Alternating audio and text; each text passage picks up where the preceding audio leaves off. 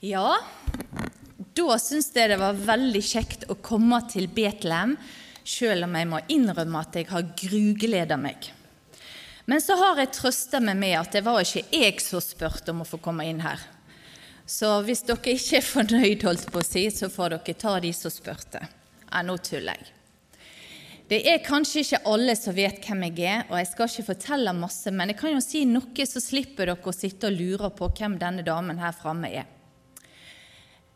Som allerede sagt, så har jeg min DNA i Nordhordland Indremisjon. Men egentlig så er jeg oppvokst i Fyllingsdalen, og i ungdomstiden så gikk jeg her i Betlehem og var med i Zenit. Men nå bor jeg i Åsane, jeg er gift med Magnus, og vi har tre voksne unge gutter. Og der jeg får betalt, det er i barnehagen. Men så er jeg litt reiseleder, og så reiser jeg ganske masse som fritidsarbeider både i Nordhordland og andre plasser der de spør. Egentlig så er det mest generasjonsmøter og storsamlinger og barnemøter jeg liker meg kanskje aller, aller best, men eh, jeg syns det var kjekt å få denne utfordringen. Og når Gjert ringte, så var jeg vel kanskje litt der oppe, for da hadde meg og han vært på en tur, så da var det veldig lett å si ja. men eh, jeg har som sagt gleda meg til å ta fram dette. For dette her, som jeg skal si noe om i dag, det hørte jeg en andakt om i sommer, og så har det lagt og jobba i meg. Og selv om det ikke er søndagens tekst, så håper jeg dere kan tilgi meg for det. Skal vi bare be litt for denne, denne talen. Kjære Jesus, jeg takker deg for det at vi får lov å samles om ditt ord i dag. Jeg takker deg, Jesus, for hver enkelt som er kommet inn. Og så vet du hvordan de har det. Du vet hvordan de har det med deg, Jesus. Jeg ber Jesus om at jeg ikke må stå i veien for deg, men kan formidle noe fra deg, Jesus. Amen. I dag skulle jeg ønske at vi kunne reist 2000 år tilbake i tid. Vi skulle ha vandra i Jerusalem Jerusalems gater og hørt på lyden av alle menneskene. All den travelheten, kjent på de forskjellige luktene, sett på alle smug og gater, merka på spenningen som skjedde i disse dager. For det var faktisk sjelden stemning av anspenthet enn denne dagen som vi skal høre om. Vi hadde nemlig merka en konflikt som hadde spissa seg til mellom religiøse ledere og Jesus. Det er en historie om en kvinne som ble grepet til hor. Og etter denne historien så har det kommet et uttrykk som er udødelig i vår historie. For ennå så kan vi snakke vi om faren ved å kaste den første steinen. Jesus han var i Jerusalem for å feire løvhyttefesten. En høytid som israelsfolket hadde pga. flukten fra Egypt når de vandra i ørken. Da pleide de nemlig å bygge løvhytter av løv og kvister. Men løvhyttefesten det var òg en fest til innhøstning. Og så feira de toraen. Jeg har fått lov å oppleve å være i Israel to ganger under løvhyttefesten. Jeg har vært i Israel mange ganger, men to ganger under løvhyttefesten. Og Det som er fascinerende å se, det er om du bor i blokk eller enebolig, om du bor på landet eller bor i byen, så pleier jødene å bygge seg sånne løvhytter ute på terrassen, ute i hagen, oppe på altanen til minne om dette som skjedde mange, mange år siden. Jeg glemmer aldri heller når jeg vandra i Tiberias.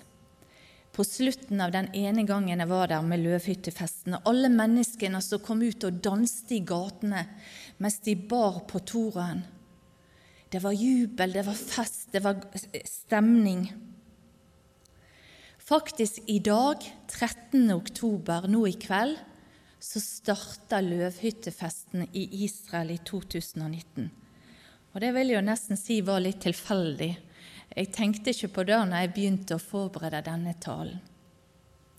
Og Nå skal vi lese denne teksten sammen, som vi leser i Johannes 8, 1-11.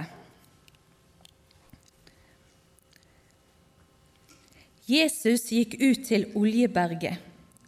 Tidlig neste morgen kom han til tempelet igjen. Hele folkemengden samlet seg om han, og han satte seg og begynte å undervise dem. Da kom de skriftlærde og fariseerne med en kvinne som var grepet i ekteskapsbrudd. De førte henne fram og sa, Mester, denne kvinnen er grepet på fersk gjerning i ekteskapsbrudd.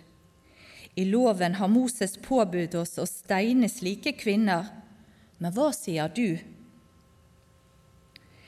Dette sa de for å sette ham på prøve, så de kunne få noe å anklage han for. Jesus bøyde seg ned og skrev på jorden med fingeren. Men da de fortsatte å spørre, rette han seg opp og sa:" Den av dere som er uten synd, kan kaste den første steinen på henne. Så bøyde han seg ned igjen og skrev på jorden. Da de hørte dette, gikk de bort, én etter én, de eldste først. Til slutt var Jesus alene igjen, og kvinnen sto foran ham. Da rettet han seg opp og spurte, Kvinne, hvor er de? Har ingen fordømt deg? Hun svarte, Nei, Herre ingen. Da sa Jesus, heller ikke jeg fordømmer deg. Gå bort og synd ikke mer.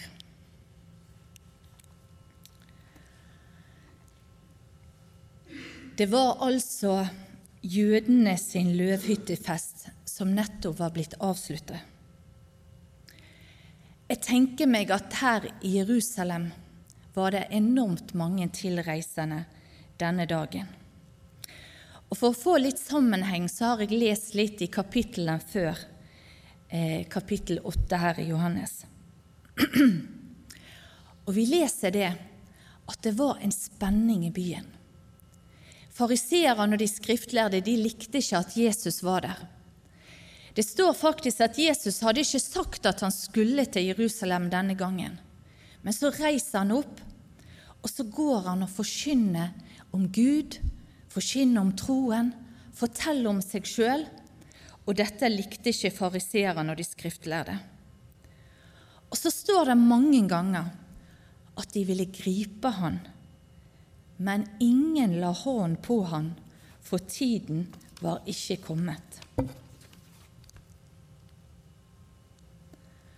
Så kommer vi altså til denne morgenen. Jesus han gikk opp på, opp på tempelplassen. Det var masse folk. Og dere som har vært i Jerusalem og kanskje vært på tempelplassen, kan se det for dere. Masse folk som bare stimer opp der. Og så finner Jesus en plass sammen med sine disipler. Rundt han satt det sikkert mange rabbinere som òg hadde disipler som de satt og forkynte til. Folket vandra rundt og plutselig, midt i formiddagens undervisningsøkt, blir de plutselig avbrutt av at skriftlærde og fariseere bokstavelig kommer dragende med en kvinne. De har fanga henne i hor. Det står at de hadde grepet henne i ekteskapsbrudd. Ja, de hadde kanskje tatt henne òg på fersken. Ydmyk, sårbar og sikkert ustelt dras hun motvillig offentlig fram for folkemengden og for Jesus. Det religiøse lederskapet ville sette Jesus på prøve. Kvinnen blir en del av maktpolitisk spill. Nå skulle Jesus tas. Nå skulle han fanges i ord Hele framvisningen er arrangert for å gjøre det mest mulig pinlig for Jesus.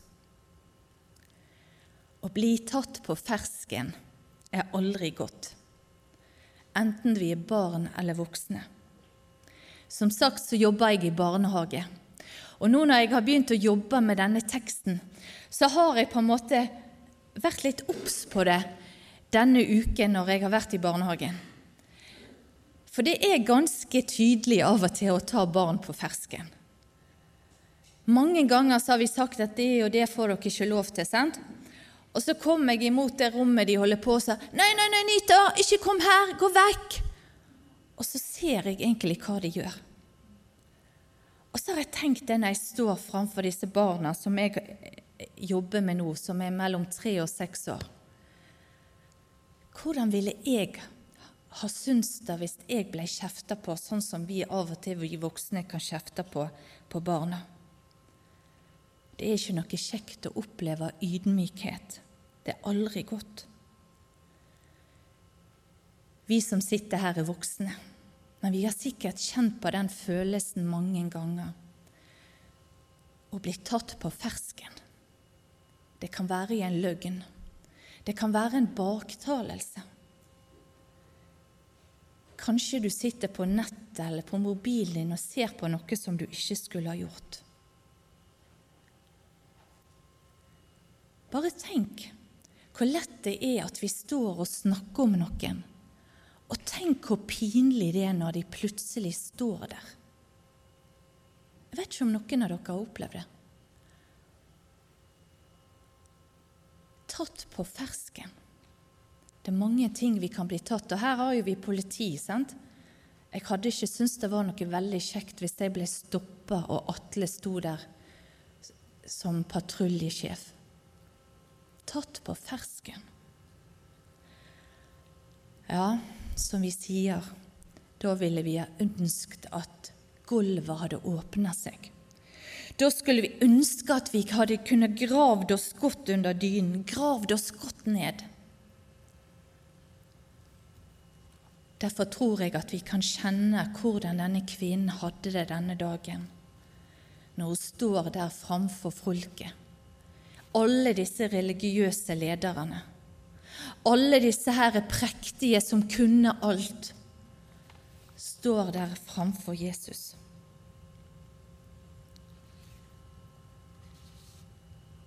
Og så har de en plan, tror de. De kommer for å egentlig ta Jesus. Og så stiller de han dette spørsmålet. Jesus, skal kvinnen steines eller ikke? Hvis Jesus svarer ja på dette spørsmålet, så bryter han den romerske lov, at kun en romersk domstol kan gi dødsstraff.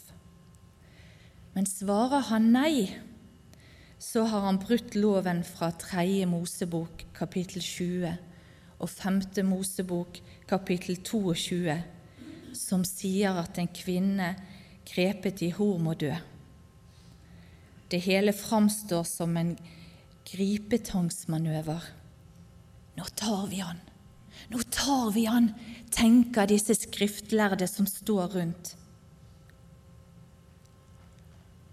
Så var det et ekteskapsbrudd som skulle sette Jesus på prøve denne dagen. Virkelig sette han i sjakkmatt.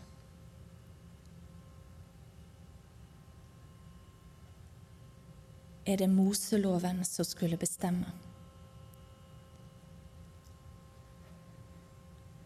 Det blir helt stille, faktisk så stille som det er nå. Sjøl så masse mennesker som var på tempelplassen, så jeg er sikker på det ble dødsstille. Bibelteksten sier at Jesus bøyer seg ned og skriver på jorden. Mange har nok lurt gjennom tidene. Hva var det han skrev? Kanskje risset han, ut, risset han inn de syndene til fariseerne og de skriftlærde. Eller kanskje skrev han frikjent i sanden. Det blir bare spekulasjoner. Det blir bare å undre. Hva var det Jesus skrev? Men etter noen sekunder reiser han seg. Sekunder som kanskje for kvinnen, som kanskje for mange som står der, føltes som minutter. Jesus hadde tatt tid til å tenke over denne problemstillingen som ble reist. Han hadde òg sikkert bedt til Gud om visdom til å svare riktig. Ordet og setningen som nå kommer ut ifra Jesu munn, er fullt av visdom som gjør at ordene fortsatt brukes i vår tid. Han sier, Den av dere som er uten synd, han skal kaste den første stein. Oi. Denne setningen var ikke god å høre. Fariseerne og de skriftlærde sitt hovedproblem var at de fokuserte mer på de andre sine synder enn på sine egne. Til alle tider, dere, har det alltid vært lettere å se på de andre sine feil og mangler enn å se på våre egne. Også i dag ser vi ofte flisen i vår brors øye fremfor bjelken i vårt eget øye, for å bruke et annet uttrykk som vi finner i Matteus 7, 3-5. Og i samme kapittel, eller i samme bok i Matteus, så står det om fariseerne som trodde de var rettferdige for Gud. De trodde sjøl at de var et forbilde for folket. De levde hellig og prektig. Men det Jesus gjør, akkurat med å si dette. Det at han speiler tilbake spørsmålet egentlig til de, de som står rundt, de som hadde tenkt å ta Jesus. De som bare så synden i andre sitt liv. Hva med oss? Hva med oss som er kommet til Betlehem i dag? Har vi lett for å kaste stein? Har vi lett for å finne feil hos andre?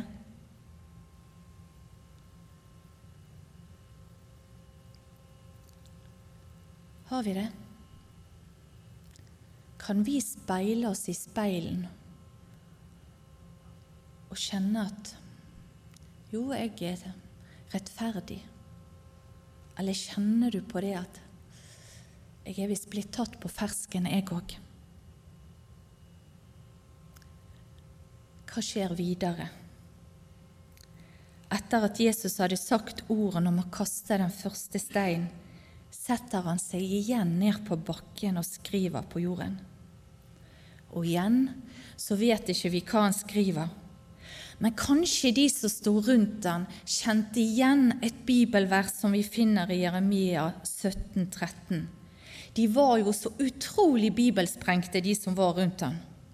For der står det Og nå vet jeg at det står litt forskjellig i forskjellige bibeloversettinger. Og når jeg satt faktisk og forberedte meg, så satt jeg med tre bibler rundt meg, så det står litt forskjellig. Men det var en setning jeg ville fram til her. Herre, du Israels håp. Alle de som forlater deg, skal bli til skamme. De som viker fra deg, skal skrives i støvet, for de har forlatt kilden med det levende vann, Herre. De som viker fra deg, skal skrives i støvet.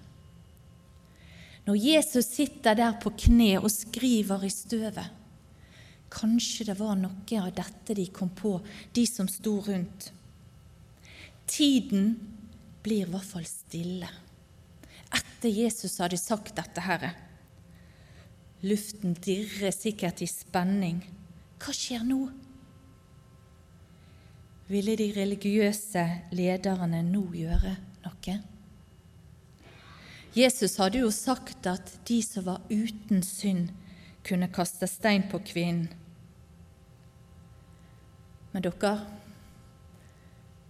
de trengte ikke mange sekunders betenkningstid disse skriftlærde og fariseerne. Og i hvert fall ikke de eldste, står det. For det står at de eldste gikk først fra tempelplassen.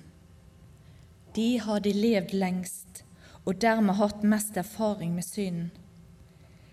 Livserfaringen hadde gitt de dypere innsikt, innsikt med syndens makt i eget liv. De kom for å fange Jesus i ord, men gikk fra tempelplassen avslørt av sannheten om egne syndige holdninger. Det hender at vi bruker uttrykket 'å kaste stein' når man sitter i glasshus.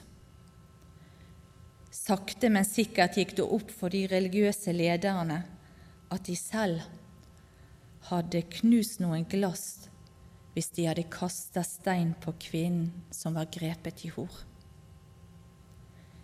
De skriftlærde og fariseerne rusla stille av gårde med bøyd hode. Folkemengden løses opp, og tilbake sitter kvinnen og Jesus. Da retter Jesus seg opp og sa til henne, Kvinne, hvor er De? Har ingen fordømt deg? Hun svarer, Herre, ingen. Og Jesus sa, Heller ikke jeg vil fordømme deg. Gå bort og synd ikke mer.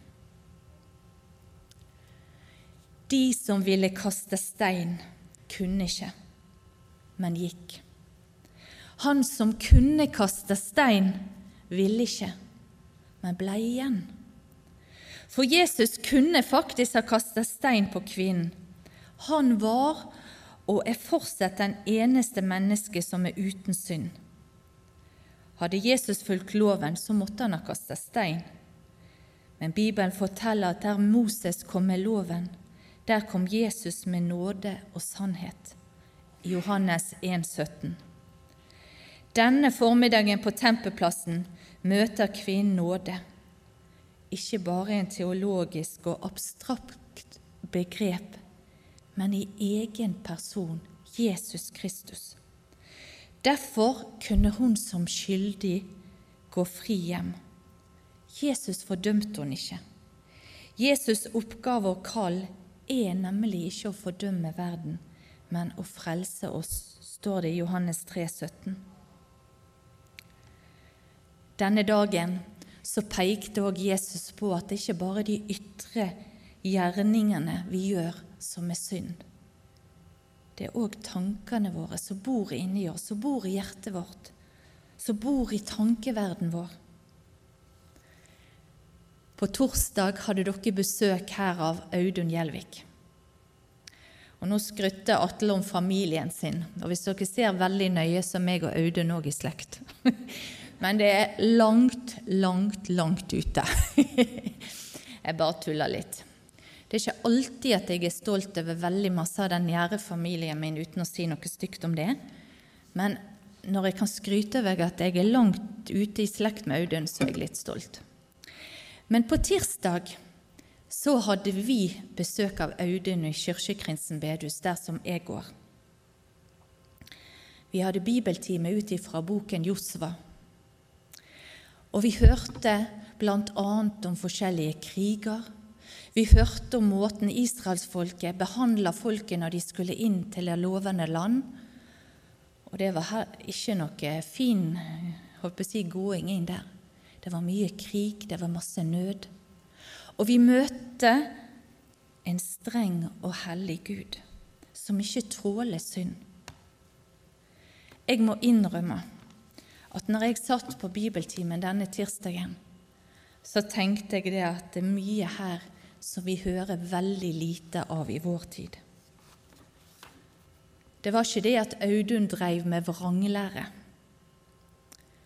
Men det som han sa, det fikk meg til å tenke at når vi har en Gud som ikke tåler synd, som er prektig, som er hellig, så trenger meg og deg en frelser. Vi trenger å vite hvorfor Jesus kom til jord. Vi trenger å få òg et annet gudebilde enn en god og snill far, som jeg har en følelse at vi forkynner litt for masse. Gud er en god far. Men Gud er òg en streng far. Gud er en hellig far. Gud tåler ikke synd. Gud hater synd, men han elsker synderen. Og for at vi skal forstå det som Jesus virkelig måtte gå gjennom, så må vi få det bildet òg av Gud.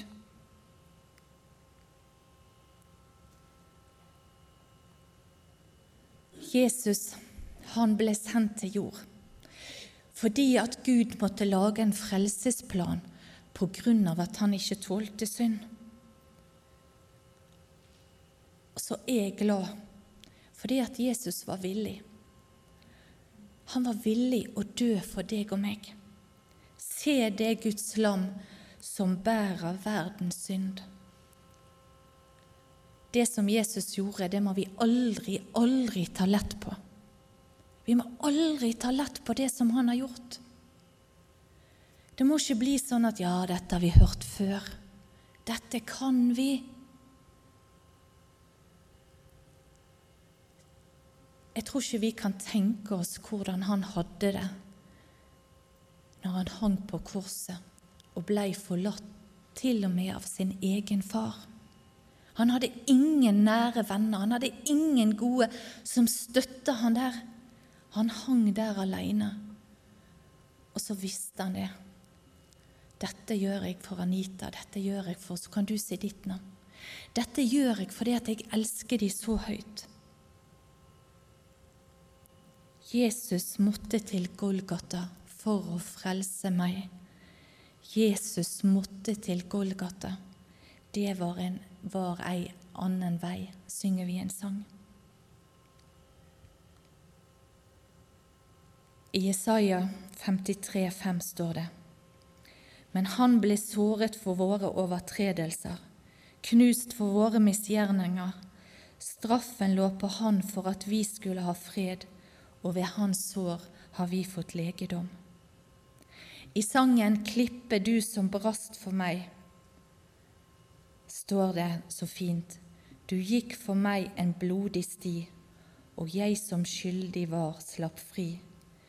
Guds vredesdom du tømte ut, så dyrekjøpt er jeg din brud.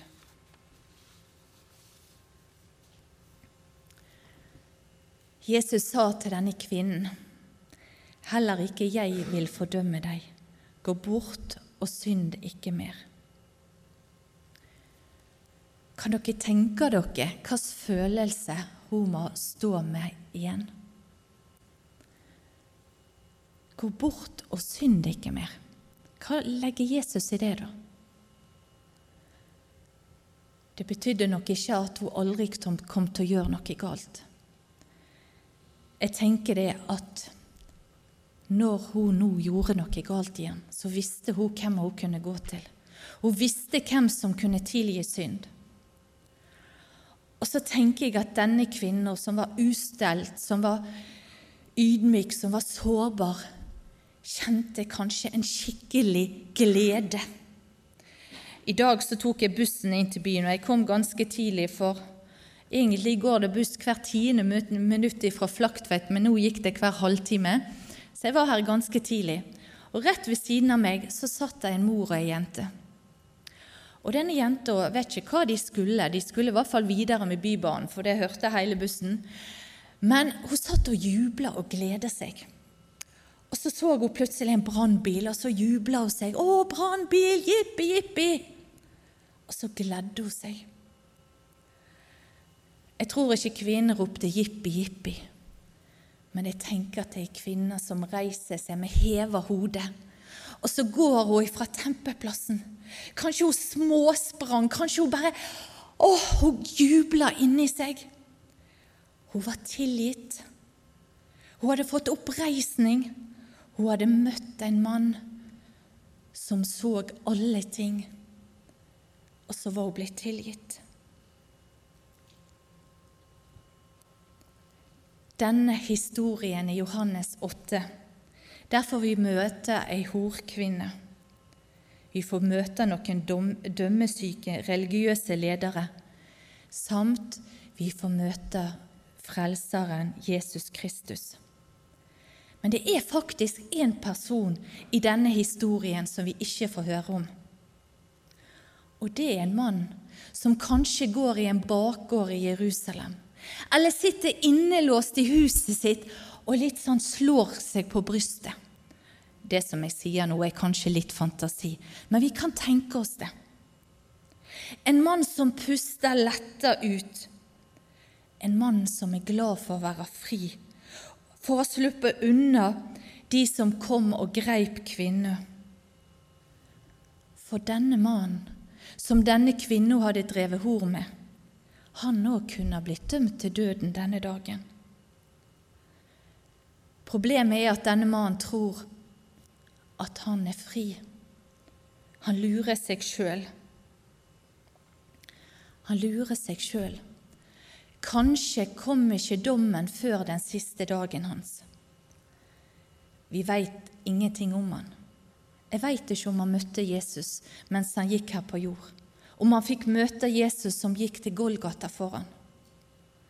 Men forskjellen på disse to menneskene, det var det at han satt hjemme eller gikk i Jerusalems gater og kjente på en frihet og tenkte ja, ja, ingen tok meg. Det var ikke noen som tok meg på fersken. Jeg var ikke så uheldig som hun derre. Og så lurte han seg sjøl. I dag er det mange rundt oss, kanskje noen av oss som sitter her òg, som lurer oss sjøl. Det er ingen som vet om de tingene som jeg gjør. Det jeg ser på nettet, de filmene som jeg ser på hjemme i min stue, det at jeg underdrar eller unndrar noe på skatten. Det at jeg kjører for fort, eller, eller Vi kunne ramse opp en liste som lang som et uår. Det er ingen som vet om det. Jeg er gått fri.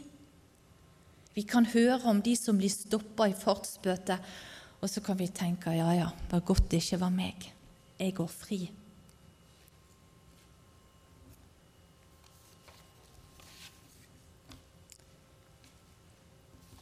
Jeg jo, har jo vært på Vevlestova på leir, men jeg har jo reist mest på Raknestunet. Og jeg husker i min ungdom så lærte jeg denne sangen. Snaren er sønder, fuglen er fri. Herren gir oss seier på alle våre veier fordi at snaren er sønder, fuglen er fri. Har du hørt en fugl som kvitrer i glede, som er fri? Jeg tenker meg at denne kvinnen, hun går hjem den dagen, så om ikke hun kvitrer, så kjenner hun på en glede inni seg. I Salme 124, 7 står det:" Vår sjel er sluppet fri som en fugl av fuglefangerens snare. Snaren er revet i stykker, og vi er unnsluppet. Den dagen kunne denne kvinnen gå ifra tempelplassen i glede, i frihet. Hun hadde møtt en som sa om seg sjøl at han var lyset. Hun hadde møtt en som sa at han var sannheten, som gav frihet, som hun opplevde en nærhet med. Mange av dere ser jeg har gått her i Betlehem i mange år. Dere er trofast medlemmer her i Betlehem. Så ser jeg at det i hvert fall for meg er mange ukjente ansikt òg. Hvordan har du det i dag? Er du fri? Eller er det en synd som har bundet deg? Har du rota deg inn i et garn? Og når jeg sier det, så ser jeg for meg at jeg sitter her nede, og Gunnar Ferstad taler her om å rote seg inn i et garn. Jeg tenkte på det i dag. Har du rota deg inn i garnet der du kjenner at du er ikke fri? For noen år siden skal jeg være litt personlig til slutt, så var det en ting som hadde gjort så vondt i livet mitt. jeg kjente som ansatt i Nordhordland Indremisjon, så tok det frimodigheten min. Det var noen mennesker jeg skulle gå og snakke med. Jeg hadde vært på arbeidermøte på Bildøy og tenkte at nå skulle jeg gå og snakke med de som, som jeg kjente at jeg hadde en vond følelse for. Jeg ville be om tilgivelse. Jeg visste ikke om de gikk og kjente på det, men jeg følte det var for sånn. Og når jeg kjørte til disse personene, så hadde jeg sagt det til én person. Det var ikke Magnus, men det var en annen person. Og så skrev denne personen til meg. Anita, vær frimodig. Han skulle nok skrive 'vær frimodig', men norskkunnskapene hans tenker jeg var at han tilfeldigvis delte opp disse ordene 'frimodig'. Og når jeg leste den setningen, så var det som om hele setningen snudde seg. Anita, Vær modig, så blir du fri. Vær frimodig. Eller vær modig, så blir du fri. Og det hadde jeg så lyst til å avslutte med å si her i dag. Kjenner du på åh, jeg har ikke blitt tatt på fersken ennå. Eller du har blitt tatt på fersken i noe. Og så prøver du å skjule noe synder så har jeg så lyst til å si gå og gjør opp. Sånn at du kan reise deg opp igjen, sånn at du kan være frimodig igjen, sånn at du kan begynne å vitne igjen og være fri. En fortelling helt til slutt. Og Nå har jeg hørt om alle de der til sluttene, men nå er jeg helt til slutt. Det var en gutt og en jente som levde eller bodde hos bestemora si.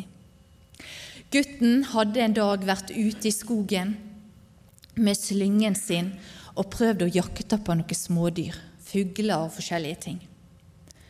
Han hadde ikke fått noen ting. Men på veien hjem, og når han kom inn på gårdstunet og det nærma seg lunsjtider, så så han at bestemor hadde ei and. Det er mange som har forskjellige husdyr, uten å kommentere noe mer om det. Men hun hadde ei and og uten å tenke seg om, så bøyde han seg ned til jorden, og så plukka han opp en stein, tok denne slynga og slengte slynga mot denne Anne. Og Anne traff han midt i hodet så han datt ned og døde. Oi, var det noen som hadde sett meg? Han så rundt seg. Sprang bort, tok anda og sprang inn i vedskjulet og gjemte han under noe vedskive. Og så gikk han inn. Men akkurat idet han gikk inn døren, sto søsteren og gliste. Hun sa ingenting. De gikk inn til bordet, og de spiste, og det var, det var en litt sånn merkelig stillhet.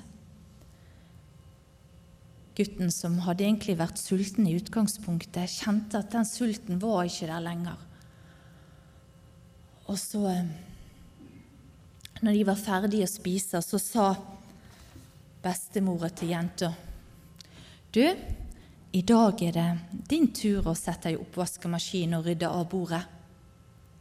Nei, sa hun og spente til broren. Jeg tror han har lyst til å gjøre det. Og så hvisker hun, husk på Anda.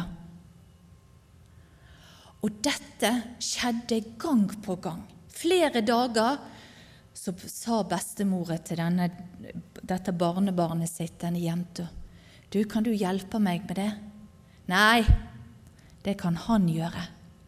Husk på Ånden. Det var bare et blikk som skulle til, og så gjorde han det. Han strevde i mange dager, helt til han kjente at dette går ikke lenger. Forholdet til bestemor, som han hadde egentlig et godt forhold til, det var blitt ødelagt så måtte han krype til korset og gå inn og si, 'Bestemor, husker du den dagen jeg var ute på jakt?' 'Ja, jeg husker det.' Jeg hadde jo ikke fått noe. Og så var det noe med at når jeg kom inn her utenfor huset, så gikk annen din der. Og så bare ble jeg frista til å skyte på han. Ja, jeg vet det, sa bestemor. Jeg sto i vinduet og så. Og nå har jeg gått og lurt på hvor lenge du ville la søstre di plage deg med denne plagen. Vi har med en Gud å gjøre. Selv om du sitter og tenker at ja, det er nå ingen som vet om mine synder og mine feil. Vi har med en Gud å gjøre som ser våre synder, som ser hva du plages med, som ser det du er blitt tatt for. I Johannes 8 og litt lenger ute står det For Sønnen frigjort dere, da blir dere virkelig frie. David sa i Salme 32.: Så lenge jeg tidde, tæres jeg bort. Din hånd lå tungt på meg. Men da bekjente jeg mine synder for deg, Herre, og du tok bort min syndeskyld. Det ønsker jeg for dere òg. Det ønsker jeg for meg. Jesus, for Sønnen frigjort dere, da er dere virkelig fri. Kjære Jesus, jeg takker deg for denne historien om denne kvinnen. Jeg takker deg, Jesus, for det at du møtte henne med kjærlighet, med omsorg. Men det var ingen lett kamp for deg når du gikk veien for oss til Golgata. Jesus, jeg ber om at vi som sitter her på møtet i dag, vi må gå ut denne døren og kjenne at vi er fri. Kjenne at vi har møtt deg. Kjenne vi har møtt deg som kan ta alle ting på deg. Velsign denne forsamlingen. Amen.